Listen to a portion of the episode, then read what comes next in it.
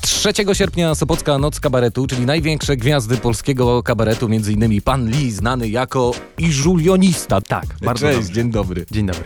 Wakacyjny romans z kabaretem. Chciałem wyciągnąć od ciebie jakąś właśnie taką miłosną wakacyjną historię. Wiesz, ja jako iluzjonista w ogóle y, miałem e, prościej, żeby oczarować w pewien sposób e, kobiety, natomiast oczarowałem jedną kobietę i y, wystarczy.